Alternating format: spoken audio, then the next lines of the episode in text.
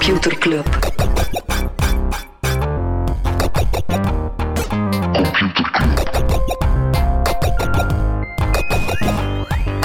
Computer Club. Hey Smolly, Hey Freddy, welkom, welkom terug. welkom. Welkom bij Computer Club, een wekelijkse podcast over technologie. Iedere aflevering selecteren eh, Freddy en ik een interessant artikel en presenteren een feitje. En elke aflevering openen we ofwel met een beetje actua, of komen we terug op eerdere episodes. Ja, Of de beide. wel, ik heb zo één iets, Telenet. Ik heb in tijd gezegd, Telenet die gaan zendmasten in een apart bedrijf steken en daar eh, heel veel geld voor cashen, zodat ze VOE kunnen overkopen, een beetje een Waalse tegenhanger. Dat is mislukt. Orange Belgium, die gaat met de, ja, als derde hond, nee, zelfs niet als derde hond, Orange Belgium gaat gewoon met de prijs eh, lopen. Ja, dat is wel eh bummen voor Telenet, want dat... de Dat was uh, 15 jaar lang zaten ze al te azen op VOE en dat is mislukt. En daardoor konden ze eindelijk een grote Belgische provider worden en eh, nu blijft het Vlaams. Mijn terugkomen op is wel positiever. Oké. In aflevering 148 spraken we over... Nee, spraken over de right to repair, Ah, reparatierecht. eh, Dat het feit dat je eh, ja, electronics enzovoort, dat je die ja, niet per se via officiële kanalen moet laten herstellen. eh, Mhm. En eh, dat techbedrijven dat wel eh, stevig tegenwerken. Apple die doet een ja, volledige 180. Eh, die komen met een self-service programma voor de iPhone en later ook de Mac, waardoor dat je zelf onderdelen gaat kunnen bestellen. Ergens allee, opvallend, want Apple is wel echt een partij die daar heel heftig lobbywerk tegen doet. Maar tegelijkertijd, ja, in heel wat staten, in heel wat landen komen die wetten er wel aan. Dus ik denk dat Apple nu een stukje ja, de, de bui voelt hangen en Ja, dan maar het stap de vlucht zegt. vooruit neemt. Ja, en, eh, dus het is uitkijken wat de andere grote eh techbedrijven gaan doen. Alright. Ja. Niantic, bekend van Pokémon Go, die hebben eh, 300 miljoen opgehaald. is nu 9 miljard waard. Waarom zoveel geld? Er zijn maar één woord die het samenvat. Ah, nee, zeg het niet. Metaverse. Ja. Ja, maar het goede nieuws is, Niantic die ziet de metaverse niet als zo'n virtuele wereld waarvoor hij een VR-bril moet opzetten om erin te kunnen rondlopen.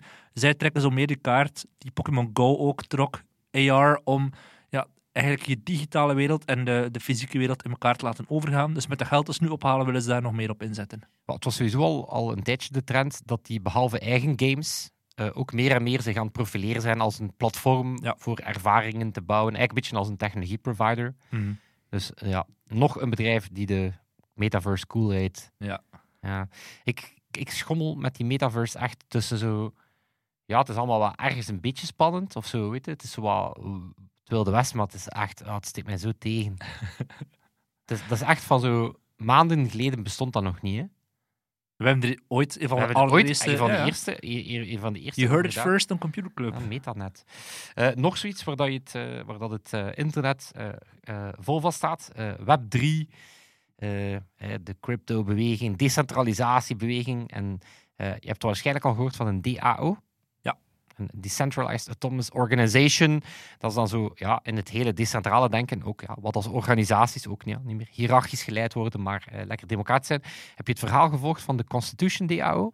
Ja, dat iemand dat ze gingen eh, de Constitution overkopen. En, ja. ja. Dus bij Sotheby's Veilingshuis kwam er, één, eh, kwam er een origineel exemplaar van de Amerikaanse grondwet. En dat is één van dertien exemplaren die daarvan bestaat. En eigenlijk een van de weinige ehm, die in privéhanden is. De meeste zijn eigendom van ja, musea en, en Mhm. andere. Dus een van de weinige. En er is ja, een DAO geweest, die hebben op, ja, wat kudos, die hebben op een aantal dagen meer dan 41 miljoen opgehaald om, eh, om die ja, kopie van de grondwet, of die, nou niet kopie van de grondwet, de grondwet te bezitten, wat nou, grote, krachtige symboliek, gaf wel direct een hoop problemen. eh, van wie is daar eigenaar van? eh, wat wel belangrijk is voor zo'n Mhm. eh, voor zo'n eh, veiling. Eh, maar wat wel interessant is, is intussen is bekend dat het gekocht is door Ken Griffin. Ehm, die naam hoef je niet meteen veel te zeggen, maar het is een eh, billionaire hedge fund manager. En dat is ook de persoon die de aanleiding was voor de GameStop meme stock bewe- eh, Oké, GameStop ja. meme stock beweging. was eigenlijk die hedge fund manager die een eh, short had gezet op Ja, GameStop. ja, ja. En die dan heel Reddit eh, tegen zich kreeg om, ja, zo gezegd, hè, GameStop te gaan redden. Dus ja, die man is, zichzelf, is zich wel echt aan het opwerpen als zo de nemesis van de new finance world. Dus echt zo de, de, de billionaire, Ja. evil, eh, old finance world. Ik, ik vraag me echt, volgens mij heeft hij het echt gewoon gekocht omdat hij het kan en omdat hij gewoon die Constitution DAO Ja. wat fucking was. Ze zaten blijkbaar in, bij de laatste twee. Oh my god. Ja. Ja. Kevin, echt. Ook in die eh, nieuwe finance-wereld, eh, nog zo'n loco kerel, de president van El Salvador. Ja, ja. Die de bitcoin als Ja. officiële munt eh, had geïntroduceerd. Voilà. En die wil nu een eh, soort Bitcoin City maken met energie opgewekt door een vulkaan. Geen belastingen op eigendom, inkomsten, meerwaarde. Volledig gefund door eh, Ja. bonds, wat dan een klassiek financieel instrument is. Maar dat zou dan geconverteerd worden naar Bitcoin en tokens. Dus Iets zeggen me dat er in El Salvador wel dringendere zaken zijn aan te pakken dan dit. ja, maar die dude is wel super populair. Die is, die is gigantisch populair in El Salvador. En, maar het valt wel op, hij wil echt zo cool zijn. Ja. Hij draagt zo een baseballcap omgekeerd. Dus het is wel zo de... How, How you, do, fellow, fellow cool kids. kids. Ja, Ja. voilà. Ja, wie dat er eigenlijk nog geen cool kid is, is Qualcomm. Qualcomm die gaat zijn branding aanpassen in de hoop een beetje cooler te kunnen zijn. Want die Snapdragon eh, chips die hebben zo'n van die, ah, altijd van die heel vage namen met cijfers dat niemand zo weet van ah, dat is de Snapdragon 478 en als de Snapdragon 842, nobody cares. Dus ze gaan het veel makkelijker maken. Er zit eigenlijk een logica in. Als je zo de Snapdragon 888 bijvoorbeeld, het eerste cijfer die slaat voor de kracht van de chip. De 8 is meer high-end en eh, de 4 dat zijn goedkopere chips tweede cijfer dat ging over de generatie van de chips. En de derde cijfer dat gaf de kleine aanpassingen aan. Van. Dus de, de zevende versie van de tweede generatie. Zo herken ik mijn chips. eh. Ja, zo herkent iedereen zijn chips toch? Inderdaad. Ja, oké, maar nu, nu gaat Snapdragon daar dus een beetje meer logica in brengen. Ja. het gewoon makkelijker maken. Ik was even aan de logica van paprika en zoutchips aan het denken, maar Nou, daar nee. is er geen... Nee. Eh, maar Qualcomm, voor de mensen die het niet kennen, dat zijn eigenlijk basically alle chips die in al Ja. onze elektronica zitten. Is eigenlijk, ja, Iemand, iemand had ooit gezegd, we spreken te weinig over Vlaamse of Belgische scale-ups. Ik heb vandaag een call gehad met een Vlaamse scale-up voor eh, een of andere klant. proficiat. Hij is, Ah, geen, nee, hij is geen klant van ons, maar ik heb het wel ontdekt door Magix.tech. Dat is een Vlaams bedrijf die semiconductoren maakt die ehm supergoed tegen straling kunnen. Ze zijn een van de weinigen die bijvoorbeeld in Fukushima robots kunnen automatiseren, omdat zij die sensoren kunnen maken die eh, tegen eh, radioactieve straling kunnen. Dat is echt waanzin. Dat bedrijf dat bestaat nu een paar jaar en dat is... eh, Ja, onze semiconductor-industrie. Ja, het is een spin-off van know-how. Ja, voilà. Ja. Zit, eh, zit heel sterk rond, eh, alright, rond heel cool. eh, Eh, ik heb een eh, ja, opvallend, eh, opvallend nieuwtje. Ehm, Adele die heeft Spotify zover gekregen om de shuffle-knop uh-huh. by default te verwijderen wanneer dat je een, al- een album afspeelt. Van Adele. Of elk Nee, gewoon album. te koer. Hè. Dus Adele had daarover gezegd van ja, het is al lang dat we dit vragen, want hè, het, is, het album is bedoeld hè, om zo af te spelen. Eh, ik vind het opvallend dat er in ons, eh, in op onze Facebook Computerclub eh, groep Mhm. heel sterke meningen zijn daarover. Over Adele of over Spotify? Nee, over het, eh, het wegnemen van die shuffle-knop op albums. Ik vind een, voor mij is dat zo'n no-brainer van ja, inderdaad, wie shuffelt een album? Echt, wie shuffelt een album? Als je naar een, echt naar een album luistert, Maar, dan luister je dat al- naar, toch naar het album. nee. Als je naar een artiest luistert, dan shuffelde naar liked songs, shuffelde, playlist, shuffle. Maar zo, een album is toch gewoon, ik zet dat album op. Niet per se. Dus maar na ai. 174 episodes hebben we het topic gevonden dat ons... Nee, maar ik denk dat gaat, Spotify eh. gewoon Adele niet wilde afwijzen. Want als je Adele afwijst, is de kans heel groot dat ze drie jaar lang albums gaan maken over die afwijzing. Oeh, Dus, eh, well played. Sorry. Well played, well Freddy, played. waar gaan we het wel over hebben? Ah, wel, ik, heb, nee, ik heb nog één niet hebben over. Het is misschien wel een, eh, een nieuwe rubriek. Misschien wel een jingle op termijn. Op termijn, want ik wil eerst even zien van wat denkt van deze rubriek. De meest bullshit NFT van de week. Ah, ik heb hem gezien. Hij heeft hem sowieso gezien. De Quick. Ja. Ja. Quick komt met een NFT van de Giants House. Nu, niks tegen Giants House. Die is lekker. Hè. Alhoewel dat, dat ook een eh, sterk gepolariseerde discussie is. En de NFT is het, is het recept van de Giants House, dat al lang een geheim is, ingesproken door de CEO. En van die eh, in opname hebben ze dan golven gevisualiseerd als een beeld. Dat kan je dan als NFT kopen. Nu, positief, het gaat naar Digital for Youth, VZ2. Dus een, Maar eh, ja, dat is zo'n zo'n campagneconcept dat je weet. Dat is gemaakt om mensen zoals ons daarover te laten praten. En mensen Ja, daar wel, boos over te Dus, eh, dus Twitter leert mij dat er natuurlijk een hoofdletter C, hoofdletter B, creatief bureau achter zit. Uiteraard. Dus ja, dat wordt eh, vast een mooie kan campaign movie. Ik Nobody, hoorde nobody cares. Nobody Cared, maar een aantal. Eh, ja, ik ga Er zijn mensen die zich daar, eh, die zich daar zeer blij mee voel- zouden voelen, moesten zo'n voilà, trofeetje hebben. tweeten dan vier als een gieter van oh, het is opgepikt. En we hebben Nobody, er godverdomme zelf. Niemand. Hey, maar wat vinden van de rubriek? Zo de NF Non-Fungible Shit of the Week of zo? Weet niet. We moeten nog Het een betere naam ja, vinden. Ja, inderdaad. Laat ons zien of dat ongetwijfeld dat de NFT-wereld ons volgende week wel nog meer bullshit geeft. Freddy, waar gaan we het wel over hebben? Smolly. Beeld dus een beetje de. Krijg ik zo'n beetje, beetje mentaal bij u, de Ghostbusters. Allee, geen jingle, hè, maar zo speelt al de een Ghostbusters jingle, ja. Oké, Smolly, wanneer dat een oude tweet van u door de woke-molen gedraaid wordt, who you gonna call? Oh my god. Of wanneer dat je wil solliciteren voor een job en blijkt dat er een pornoacteur bestaat met exact jouw naam, die jouw Google-resultaten door elkaar haalt. Who you gonna call? Ja, niemand. Ik is zal gewoon vertellen je pech, gonna call. Nee, nee, ik heb een eh, heel fascinerend stuk gelezen over online reputation management. Beetje PR, maar dan eh, ja, op, eh, eh, met een digitaal geavanceerd sausje. Ehm, en dat gaat over dingen zoals, ja, wellicht wel herkenbaar, ehm, oude tweets toen dat je jong en onbezonnen was. En dan word je later, ik zeg maar iets, een bekende voetballer. Of dan ga je ooit in de politiek en dan duikt er iets op. Of je bent een CEO en je hebt ooit wel iets, ja, be- bedrijfsbeslissingen genomen en die, dat nieuws blijft jou wat achtervolgen. Ehm, of ja, mensen met dezelfde naam, die verschijnen dan eh, boven jou en dat is niet zo fijn wanneer dat... ehm, en dat vond ik nog een interessante term, wanneer dat er aan digital due diligence gedaan wordt. Due diligence, dat is zo de term wanneer een bedrijf overgekocht wordt en je gaat zo je research doen. En dat gaat dan over het feit dat toch meer en meer online wordt dat ook gedaan. Hè. Zo, je krijgt een Airbnb-aanvraag van iemand, iemand solliciteert, Je hebt een Tinder-match met iemand. je hebt een Tinder-match en dan ga je even eh, de, de, de digitale Sherlock Holmes zijn. Ehm, en ja, de problemen kunnen er wel zijn. Dus, dus wat doe je dan als je, het, ehm, als je dat wilt oplossen? Dus dat zijn bedrijven ja, die doen alles van ja, je sociale media wat opkuisen tot effectief crisismanagement, tot ja, het, het bijna volledig man in black gewijs uitwissen van een oude reputatie. Eh, leuk woord ook in het artikel was eh wokewashing. Ja. Ja, dus wanneer dat je het... eh, dat je, Dat je inderdaad tien jaar geleden pro-zwarte piet was. En nu Voilà, dat je nu beseft van, ja, oké, de, woke, de woke warriors komen achter mij. eh, de cancel culture dreigt mij hier boven het hoofd hangen. Dus het is een beetje zoals PR-bureaus, maar dan tech-savvy. Dus ja, Mhm. volledig thuis in eh, SEO en andere. Dus ja, je hebt er een aantal. Dus kijk, ik zal ze, ik zal ze meegeven aan de luisteraars die zelf met eh, PR-trouble zitten. Je hebt ooit de Marquee, een beetje upscale. Die hebben onder andere de ex-CEO van Salisbury, dat is een grote supermarktketen. Mhm. En die man heeft ooit eh, de kerstbonus afgeschaft voor zijn medewerkers. Dus ja, die zegt dat is niet leuk, want hè, tot op heden, het moment dat je mij googelt, hè, dan ben ik letterlijk the guy who ruined Christmas. Eh, Gary Lineker, bekende voetballer, voetbalcommentator. Dus ja, die zijn echt gespecialiseerd upscale, dure, dure klanten, eh businessmensen, sports, athletes.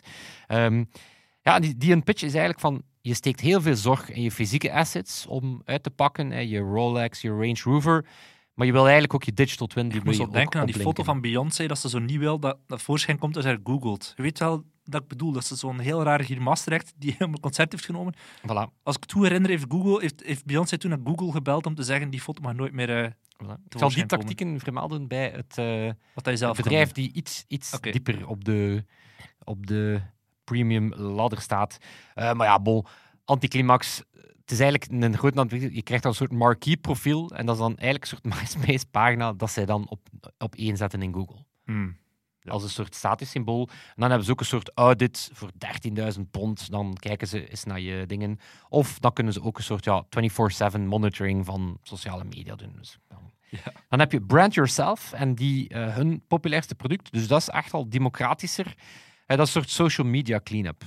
Bijvoorbeeld als je student bent en je gaat voor heel ambitieuze universiteit in de VS, dan gaan zij zorgen dat er Alle niks foto's weg. Voilà, dus stel dat je de toekomstige Canadese president bent en je hebt ook ooit geblackfaced, dan gaan zij dat... eh, dus die doen, een soort, voorbeeld. die doen een soort screening om de kans dat je later gecanceld gaat worden te vermijden. Of goedkoper, voor de mensen thuis, Tweet Deleter. En voor, voor slechts 4 dollar per maand kan je tot 500 tweets verwijderen met allerhande toffe filters, zoals, ja, misschien heb je ooit raciaal ongepaste opmerkingen gedaan, kan je ze op dat vlak filteren. Mhm. Misschien heb je ooit scheldwoorden gebruikt die nu niet meer door de bolen kunnen. Dus ja, dan krijg je een, heel, een hele set aan, eh, aan detox-behandelingen. Ehm, ook wel interessant, eh Terrakeet, dat zo, die hebben de SEO voor Obama-campagnes gedaan. Dus die zijn zo'n beetje de Rolls-Royce van, van de SEO. eh, en ja, die rekenen eh, eh, ongeveer 2 miljoen euro per maand. Wat? En die hadden een goede slogan, en die vind ik wel goed. When you do pay it, you're too late. Dus die zeiden van ja, als je BP bent, het moment dat de olie in de oceaan ligt en je gaat Ja. dan een beetje paid AdWords doen, dan eh, komt het niet over. Maar mijn favoriete is eh, Pure Reputation. En ik zal gewoon al de website eens draaien naar u. Wacht, nu komt het. Huh, wat? Build a winning reputation. Online reputation management. hoe ziet het eruit? Als, Ja, web 1.0. Web, ja, ja, nee, Voilà. de website. Dus ja, zeer ironisch voor iets dat, eh, dat echt Pure Reputation gaat. Ik zou zeggen purereputation.co.uk. Zoek het zeker eens op. Ehm, maar het zijn wel vuile mannetjes. Die, die gaan echt wel voor gewone mensen, hè, zo 1500 pond. Ehm, en bijvoorbeeld, die hebben het over, ja, er staat een gênant artikel over een frats dat je ooit uitgehaald hebt op, eh, op de krant. Een studentenfrats Ja. die, je, eh, die, die je blijft achtervolgen. Eh, of mensen met een andere naam eh, die opduiken. Dus eh, wat ze dan gaan doen, is ze gaan dan eh, clickfarms betalen om op andere resultaten te gaan klikken. Dus die gaan dan positieve dingen echt naar boven Mhm. klikken. Dat werkt blijkbaar. Eh, maar dit is echt wel eh, shady. Ze gaan eh, valse profielen aanmaken om de resultaten gewoon volledig te overspoelen. Hè. Dus zorgen van, als we het niet slecht kunnen uitfilteren, dan zorgen we gewoon dat het verdrinkt. En die CEO die zegt dan in gesprekken met dat krantenartikel, eh, of met die journalist van ja, die valse profielen, sometimes we use dead people, uh, people, old people who don't mind. Dus ja, die, Ja. die neemt niet serieus. Ja. Dat is echt, eh, echt goed. Maar het stuk eindigt wel met zo'n beetje de, de reflectie van ja, is de oplossing echt dat we onze profielen cancel-proof moeten maken? Of moeten gewoon mensen een beetje slack leren geven dat een 16-jarige domme shit... Ey, zo, Ja, ja. ja moest je bij 16-jarige mij zoeken gaat- ook, eh, sowieso ongetwijfeld nog stuff die naar boven kan gebracht worden. Voilà, jij hebt ooit, ooit mijn eerste of tweede tweet eh, Ja, naar boven. ja, maar Weet je nog wat dat was? was iets van een Gentse feest of een bootje of zo? Nee, ik weet het niet meer. Nee, het was iets met vleesje. Ja, ja, ja, het was echt zo... Nasty. dat dat dubbelzinnig geïnterpreteerd Het was zelfs niet dubbelzinnig bedoeld. Het was het over een, eh, biefstuk, denk ik. eh pijntje. Vleesje. Het was zoiets. Het was nasty. Alright. Alright, ik geef u een nasty jingle. Computerklas. Freddy, weet je wat ik een van de allerspannendste dingen vind om te doen? Nou, dat zijn niet waar, maar het is wel spannend. En, Ik ga eh, er niet op raden. Ik ga er niet op raden. Nee. Of is het... Mag ik raden? je mag één keer raden. In het frietkot gewoon zeggen, doe maar. Ja, nee, want daar kennen ze me al. Dus dat weten ze wat ik zeg als ik zeg, doe maar. Nee, een, eh, een online overschrijving doen. Omdat ik altijd twijfel, fuck, wat als ik nu, zeker als zo'n groot bedrag is, wat als ik nu, voor de BTW, na ieder kwartaal, wat als ik nu het verkeerde getal heb ingevoerd? Niet, niet mijn bedrag, maar het verkeerde rekeningnummer.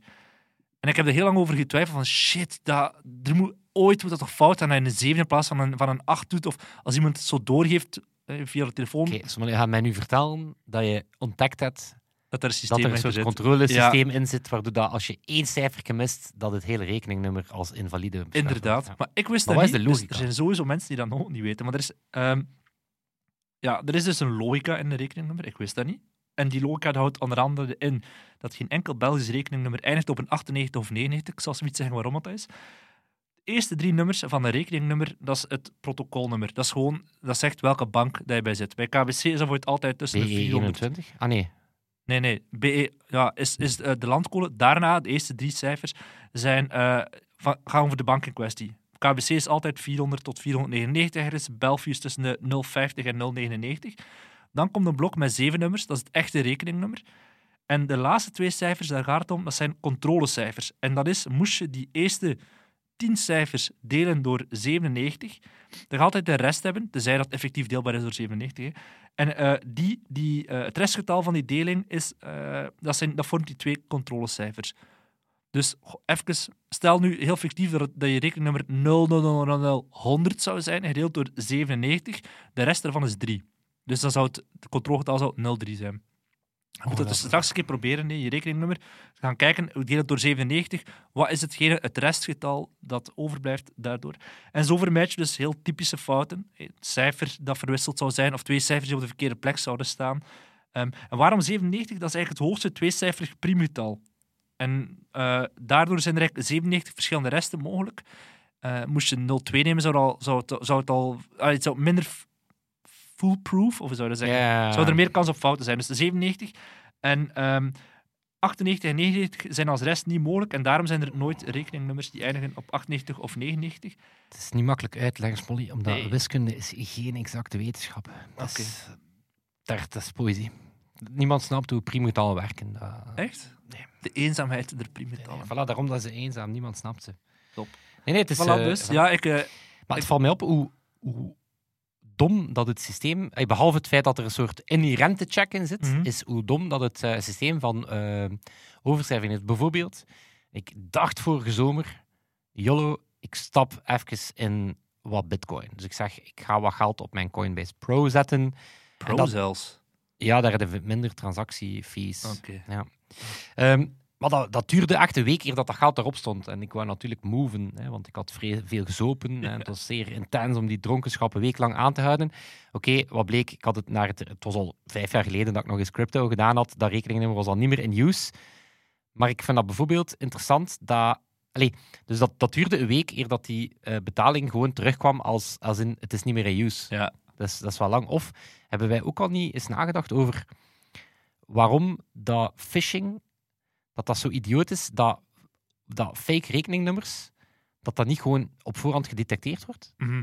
Dus het is ergens dat, raar dat er geen centrale, eh, raar of positief, ik weet het niet, maar zo dat er eigenlijk geen centrale directory bestaat van rekeningnummers. Eigenlijk zou een bankapp toch idealiter kunnen zeggen, ho, pas op, dat geld dat jij nu gaat sturen naar wat dat jij denkt dat Angie is, dat is niet Angie. Ja. Herinnert u die Bol.com of Coolblue boekhoudkundige fail van die Mhm. aankoper die plotseling een miljoen of zo Ja, ja. Naar een zogezegde leverancier gestuurd had? Dat dat gewoon een... Dus ik vind dat heel raar dat dat, dat, dat systeem eigenlijk... er, ehm, Dat er zo weinig checks op zitten. Ja, zeker als je zo de BTW moet overschrijven, ieder kwartaal. Dat, is echt, dat zijn echt heel grote bedragen waarvan je hoopt dat die juist toekomen. voilà. We blijven even in de financiële sfeer hangen, want mijn artikel gaat daar ook over. Ik ga over de Dow... Dus er komen er eh, controlegetallen op het einde? Om Nee, te kijken ik, ga, het- ik gemakkelijker. gewoon delen door 97. zal Alles over- wat je zegt. Het gaat over de Dow Jones, zoals dat eh, Jan Beek was zeggen. ho, ho. De Dow Jones. De Dow Jones. Die komen met iets nieuws. De S&P 500 Twitter Sentiment Index. Ho, ho, ho, ho. Yes, inderdaad. Mag ik raden? Uh, ga vertel. Eh, dat is eigenlijk makkelijk om te Het is raden. eigenlijk super makkelijk om te Dus raden. de S&P 500, 500 grootste bedrijven Ja. van de VS, Ja. van de wereld, van de VS. Yes. En dan ja, eigenlijk gewoon de, wat, wat, leert, eh, wat leert wat er op Twitter verschijnt over de koers van...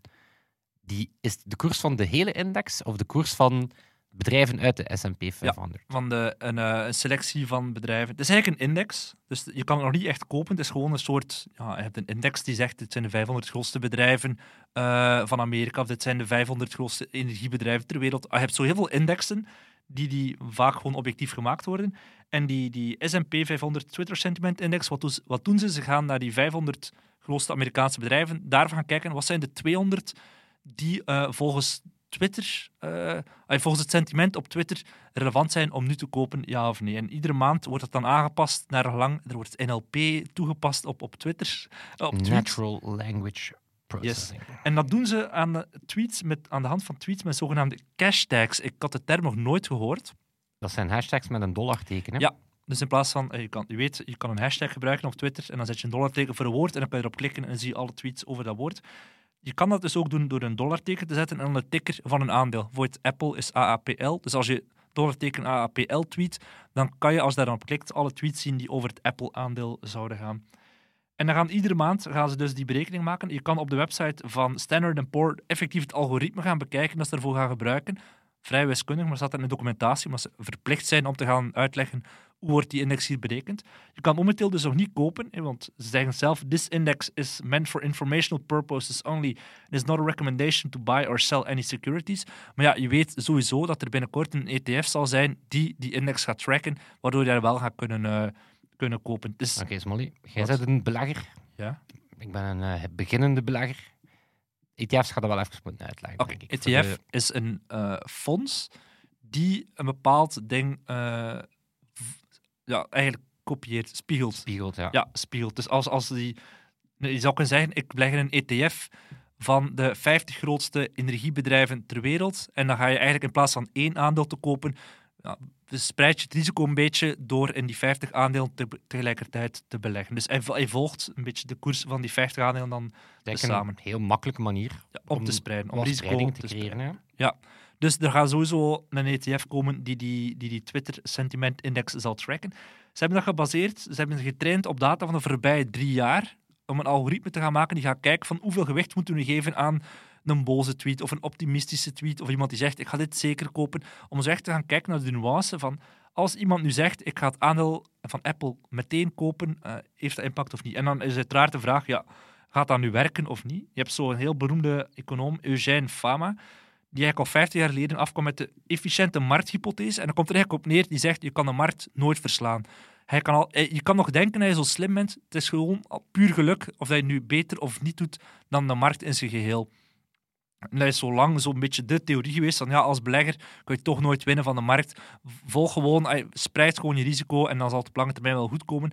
Maar je kan niet... Allee, als gewone investeerder. Ja, als gewone investeerder kun je de markt niet timen. Want iedere kennis die jij hebt, als hij denkt van ik, ga, ik denk dat Disney volgend jaar mega zotte ding doet, die, die kennis zit al verwerkt in de koers. En als dat wel doet, dan heb je gewoon geluk. Maar die theorie van Fama, uh, die is een beetje achterhaald, want een nieuw onderzoek blijkt dat eigenlijk wel al iets meer kan voorspellen. Nooit 100%, want dan ben je multimiljardair, maar toch wel iets meer. Bijvoorbeeld met Twitter-data, er zijn onderzoekers die hebben nagaan, die zeggen van eigenlijk kun je met 75% nauwkeurigheid al gaan voorspellen wat de beurs gaat doen door Twitter-sentiment te meten. Ik heb onder andere een, eh, een, een, een paper, of je dat, een thesis gelezen van een Gentse masterstudent, Timon van Veer, die twee jaar geleden daar onderzoek naar heeft gedaan. En daarin werd ook geciteerd van, het zou tot 75% zekerheid kunnen zijn door het Twitter-sentiment te gaan analyseren met Python of met andere tools om dat te gaan ja, maar ik vind wel, Wat ik wel interessant vind, is dat... Um, je, hebt, je hebt inderdaad zo ergens een, een waarde van een aandeel, is een beetje de combinatie van... Uh, de fundamentals, allez, van de cijfers die erachter zitten, hè, uh, omzet van het bedrijf, winstmarges, uh, groei. Hè, dus heel rationele dingen. En dan heb je sentiment. Ja. Hè, zo een beetje de... aandelen zijn heel vaak behavioral science. Hè. Ah, van, ja, van, zijn van, mensen geloven we in het groeiverhaal ervan en, en, en het, de story erachter. Maar wat ik ooit heel interessant vind, is dat ooit twee aandelen die dat ik daar op dat vlak opvallend vind, is ooit Tesla, Mhm. wat, wat dan waanzinnig hoge Dat is multiple echt Voilà, science. dat, dat, is- dat, is- dat is bijna meer een... een en, daar, en daar is quasi niks dat dat aandeel blijkbaar kapot krijgt op dat Mhm. vlak. Ik bedoel, Elon Musk mag de domste shit ter wereld tweeten. Ja. Het verandert niks. En bijvoorbeeld Facebook is dan een bedrijf dat... Je kunt daar elke PR-crisis ter wereld op loslaten. Die cijfers van dat bedrijf zijn dermate lucratief Mm. dat dat aandeel ook zonder kleerscheuren, want eh, recent hadden we wellicht de tweede grootste PR-schandaal voor Facebook ooit. Aandeel Weinig cruise daardoor blijft Ja. de, de, eh, de stok dat, Mhm. dat iedereen, eh, dat elke analist aanbeeldt om te kopen. Dus Ja. ik vind het wel interessant van dat sentiment. Ja, het is zoiets dat in theorie heel logisch klinkt, maar ik heb nog een aantal vragen. Er wordt over kleine bedrijven zeer weinig tweets, dus misschien is de impact daarvan zeer groot als er iemand er wel of niet over tweet. Wat als mensen dat zouden gaan hijacken? Dat je voor het zegt van ga je met duizend man Ja, ik was tegelijkertijd. denken, zo, hier, hier, ik Ja. hier. Maar ze zeggen dus dat, dat ze een soort proof hebben gezet. En dat ze- Definitely dat ze, not going to buy. Ja, spam, ja, spam gaan ze er wel, wel uitfilteren. Maar wat ik het, het allermoeilijkste vind, ze kijken vooral naar die cash tags, maar je mist zeer veel context. En ik denk bijvoorbeeld, als je dat zeer breed gaat toepassen, dat dat wel nog meer kan werken.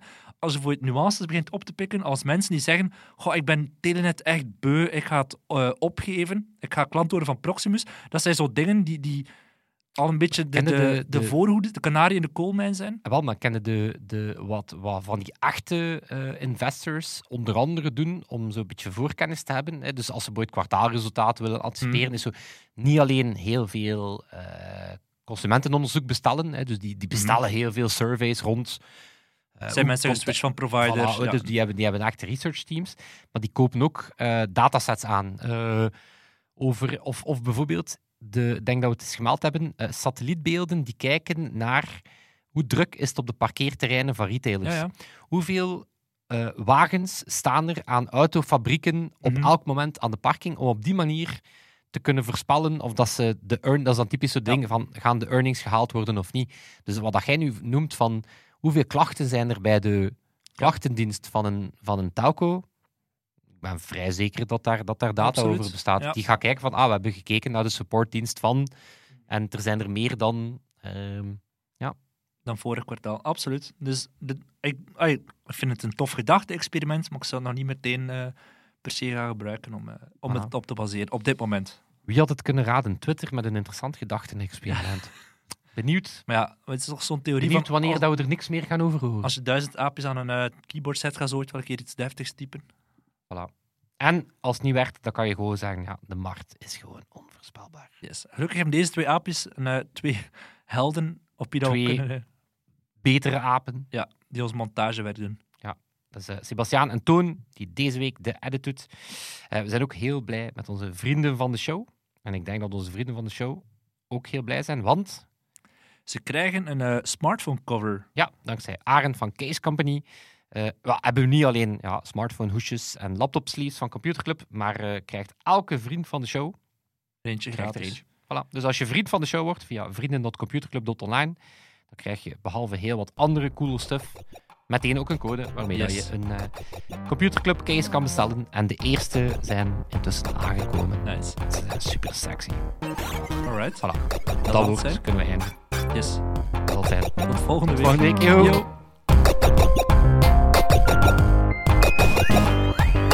Computer Club.